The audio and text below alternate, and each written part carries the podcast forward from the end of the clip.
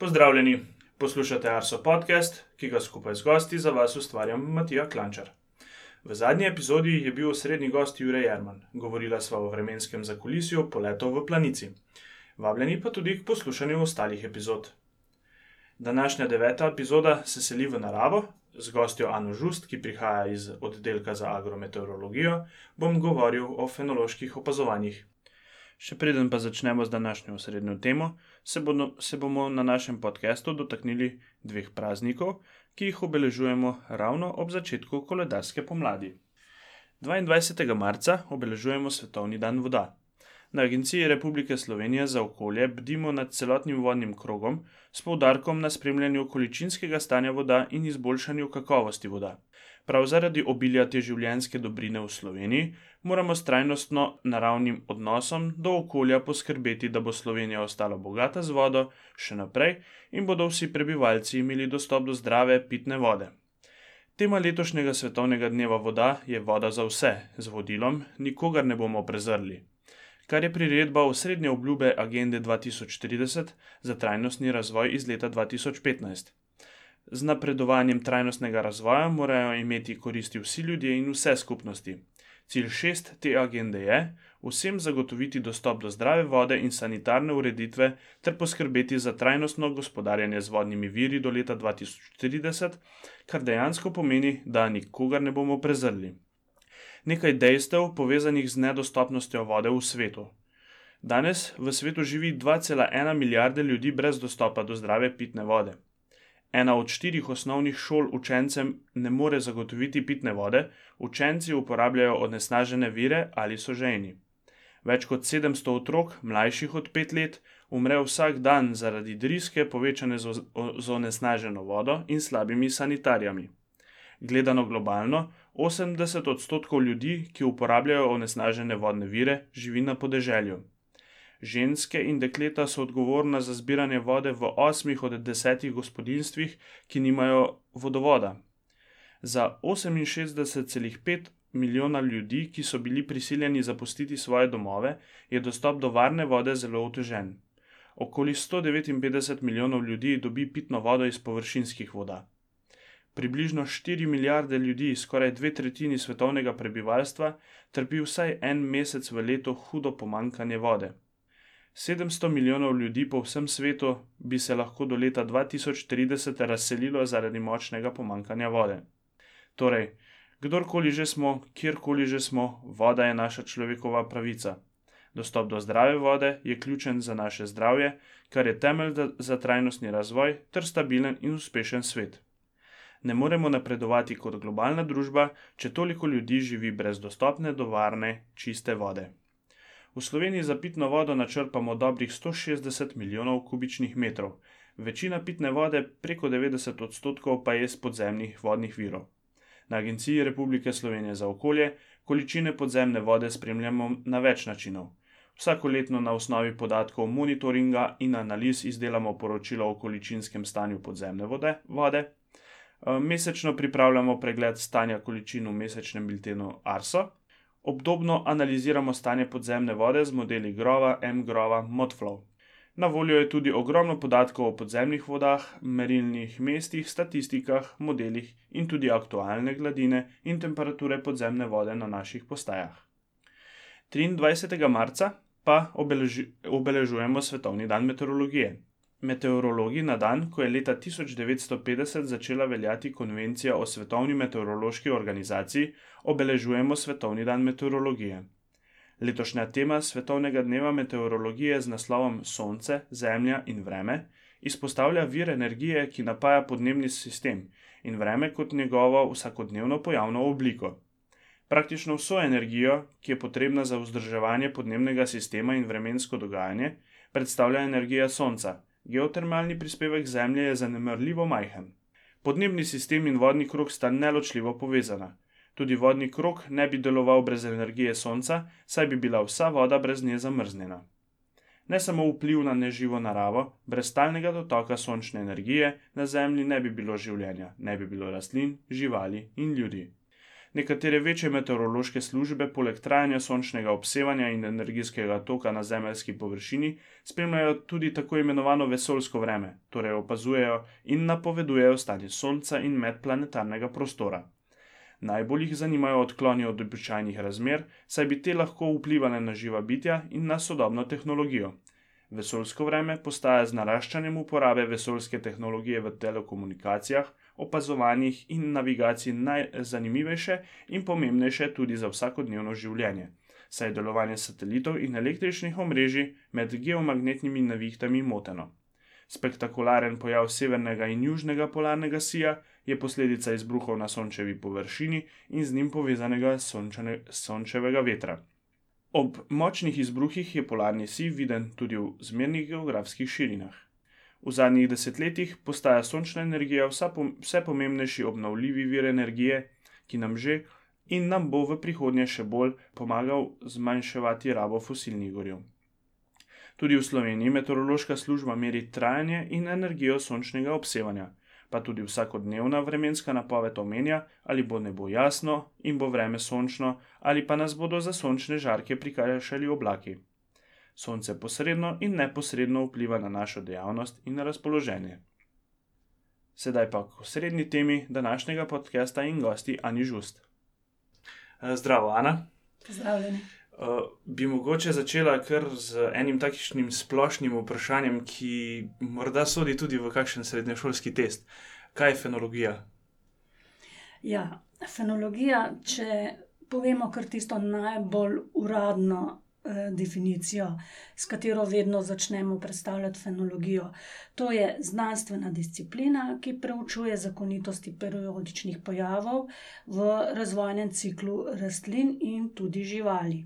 Bistveno za fenologijo pa je, eh, da proučuje oziroma obravnava odvisnost fenoloških pojavov od vremenskih in podnebnih dejavnikov. Zdaj, če bi to malce enostavneje povedala. Pri rastlinski fenologiji, ki to je tudi področje fitofenologije, to naprimer, uh, so to naprimer fenološke faze olistanje, cvetenje, prvi cvetovi, rumenenje, odpadanje listov. To so, to so samo nekatere faze. Pri živalih, kar pokriva področje zoofenologije, pa je naprimer prilet ptic, odlet ptic selivk razvojni krogi žuželk in še nekatere druge. V okviru uh, fenološkega monitoringa ARSO se ukvarjamo predvsem z rastlinsko fenologijo.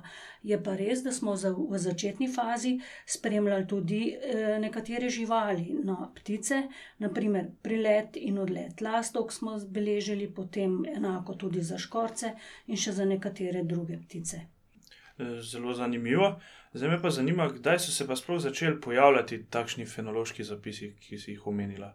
Človek je verjetno uh, fenološko izkustvo uporabljal že od davnaj, oziroma vsaj od takrat uh, naprej, ko se je ustalil in za preživetje začel obdelovati zemljo, gojiti rastline, to se pravi pridelovati hrano, kar mu je omogočalo preživetje. Seveda pa najstarejši fenološki zapisi so stari več kot 3000 let in izvirajo iz Kitajske. Tudi Japonska se lahko ponaša z več kot 1000 let starimi zapisi o cvetenju češenj, ki, ki so močno povezane s tradicijo praznovanja v tej deželi. Stare fenološke zapise pa poznamo tudi na evropskih tleh, naprimer Znan je več kot 200 let ni niz podatkov o listanju divjega kostanja v Ženevi, ki v tem mestu tradicionalno naznani prihod pomladi. Mhm. Verjetno potem s temi zapisi so se začele pojavljati težnje, potem da se je začela razvijati verjetno fenološka mreža, da smo imeli malce bolj sistematizirano tudi na nekem področju. Ja, lahko še povem, da, so, eh, da imamo tudi na evropskih tleh stare fenološke zapise in sicer jih lahko umestimo eh, v obdobje, ko je fenologija sredi 18. stoletja se začela razvijati kot okoljska veda in so sloviti botaniki tedanjega časa objavili prve zapise o tej vedi. Naj omenim samo nekatere. Karl Linne je prvi opisal metode za izdelavo fenoloških koledarjev in povezal fenološke faze z vremenskimi in podnebnimi dejavniki. Tudi na slovenskih tleh je njegov sodobnik, idrijski zdravnik Skopoli, v znameniti monografiji Flora Carniolika objavil prvi fenološki koledar, v, katerih, v katerem je razvrstil cvetenje rastlin po mesecih. Za nas pa so pomembna sistematična fenološka opazovanja, ki so se na evropskih tleh pričela konec devetnajstega stoletja, in takrat so bili osnovani tudi prvi zametki fenoloških mrež. Moderno dobo fenologije pa uvrščamo v sredino, v dvajseto stoletje, pravzaprav v sredino dvajsetega stoletja. Namreč tesna povezanost vremena in podnebja z rastjo in razvojem rastlin je pač razlog, da so sistematična fenološka opazovanja priporočili, po priporočilih Svetovne meteorološke organizacije oziroma Komisije za agrometeorologijo pri tej organizaciji praviloma potekajo v okviru nacionalnih meteoroloških oziroma agrometeoroloških služb. Koliko pa recimo postaj šteje naša fenološka mreža? V Sloveniji, fenološki monitoring poteka nepretrgoma že od leta tisoč devetsto enainpetdeset dalje, ko je začela nastajati prva fenološka mreža, najprej pod okriljem tedanjega Hidrometeorološkega zavoda, danes pa deluje fenološki monitoring pod okriljem Agencije Republike Slovenije za okolje. Torej sistematična fenološka opazovanja potekajo že skoraj sedemdeset let. Namreč fenološka postaja pomeni lokacijo, kjer se fenološka opazovanja izvajajo z vsemi geografskimi značilnostmi, to se pravi, popišemo nadmorsko višino, geografske koordinate, relief, naklon in okolico. Skratka, vse te lastnosti fenološke postaje. Pomembno je, da so fenološke postaje enakomerno porazdeljene in da dobro pokrivajo slovenski geografski prostor. V sedemdesetih in osemdesetih letih, prejšnjega stoletja je delovalo skoraj sto postaj. Danes je gostota precej manjša, trenutno deluje v Sloveniji štiriinštirideset fenoloških postaj. Z veseljem pa lahko povemo, da postopoma spet pridobivamo nove postaje oziroma da oživljamo tiste, ki so vmes že prenehale delovati. Namreč izredno cenjena lastnost fenološke postaje je stalnost opazovanj in s tem tudi pridobimo dolgoletne podatkovne nize. Moram poudariti, da imamo zelo predane fenološke opazovalce, ki opazujejo nekateri že trideset in več let. In da se ta dejavnost pogosto prenaša iz starejšega, na mlajši rod in ostaja postaja tako na isti lokaciji dolgo časa, kar je tudi najbolj zaželeno. Če se ne motim, lahko po mojem na tem mestu poveva tudi nekaj o, o parku Tivoli. Ja, to je še ena zanimivost, ki jo vsekakor lahko omenimo, to je mednarodni fenološki vrt oziroma mi ga imenujemo park. Edini tovrstni v Sloveniji je in sodi v mednarodno evropsko mrežo fenoloških vrtov. Nahaja se v ljubljanskem parku Tivoli in obiskovalci lahko na informativnih tablah, ki so postavljene tam, izvedo več o posebnostih tega parka. samo na kratko, v vseh teh evropskih vrtovih uspevajo klonsko razmnožene rastline, to se pravi, da imajo, vsaka od svoje vrste enako gensko zasnovo. In to omogoča, da jih proučujemo, brez vpliva, zanemarimo lahko, vpliv genetike. Kar je vsekakor zelo dobro za, proučevanja. Podatke, posredujemo, te fenološke podatke, posredujemo tudi v Mednarodno banko podatkov, za katero skrbi Humboldtova univerza v Berlinu. Kaj vse se pa na fenoloških postajah opazuje? Program fenoloških opazovanj je ustaljen in se ne spreminja. Zajema opazovanje negojenih zelnatih rastlin, to so na primer zvonček, spomladanski žafran, regrat in še druge. Potem opazovanje gozdnega drevja in grmičevja, detelje in trave, nekaterih poljskih posevkov, sadno drevje in tam, kjer uspeva, opazujemo tudi vinsko trto. Opazovanja, kot sem že rekla, potekajo po navodilih oziroma pravilih za fenološko opazovanje.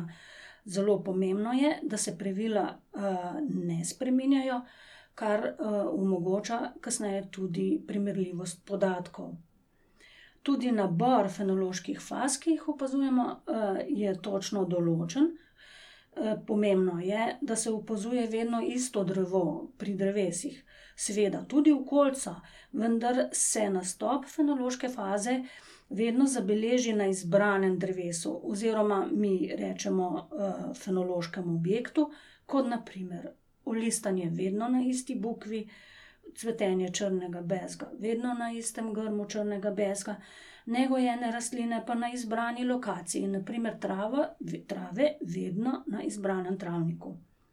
Vse fenološke faze so tudi kodirane z mednarodno BBCH lestvico, ki omogoča tudi mednarodno primerjavo podatkov.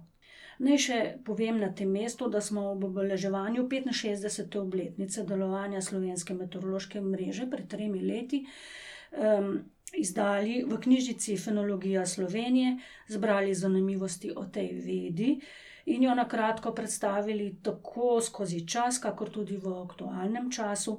Publikacija služi pa tudi kot priročnik za fenološko opazovanje, saj obsega program in pa tudi temeljito razlago in podrobna navodila za fenološko opazovanje. Eh, kogar zanima, to publikacijo lahko najde tudi na spletu, na naši spletni strani. To publikacijo boste pa poslušalci tudi eh, našli ob tem podkastu, kjer bom v bistvu vse povezave tudi dodal. Zakaj pa potrebujemo fenološke podatke? Ja, fenološki podatki, še posebej dolgoletni nizi, so uh, prava zakladnica informacij o vplivu spremenjajočega okolja na rastlinski in živalski svet. Uporabljamo jih za številne namene, naprimer kot pomoč pri načrtovanju kmetijske pridelave, pri izobraževanju. Zanimivi so tudi kot turistična atrakcija. Naprimer, Na japonskem je znan primer njihovih češenj in njihovi agrometeorologi z uporabo fenoloških podatkov o češnjah za modeli računajo, kdaj bojo češnje zacvetele. Takrat pa vsa Japonska zadržuje dih v pričakovanju in pozorno spremlja napovedi. Tudi pri nas nas prevzame, ko se goriška brda odenejo v belo znane pa so tudi številne druge rastline, katere bi lahko modelirali na podobne načine. Naprimer, narcise na golici, močerske logarice in še nekatere druge. Znani so tudi podatki uporabe fenoloških podatkov za modelsko rekonstrukcijo eh, poteka temperature zraka daleč v preteklost. So pa tudi v pomoč pri stanju um, preverjanja rastlinskega pokrova s sateliti. Uporabljamo jih tudi kot podpora agro, za agrotehnične ukrepe, naprimer za vodeno namakanje so potrebni fenološki podatki, ker je na nje vezan koeficient rastline in tudi za spremljanje sezonskih alergij. Naj omenim še, da so bili naši podatki uporabljeni v številnih diplomskih nalogah in raziskavah, Sodelovali smo tudi v raziskavah na mednarodni ravni. Ena od odmevnejših takih uh, raziskav je bila v okviru projekta COSIN 2.5, kjer je bilo na osnovi um, ogromne množice podatkov, ki so jih v skupno bazo združile, združilo 21 evropskih držav.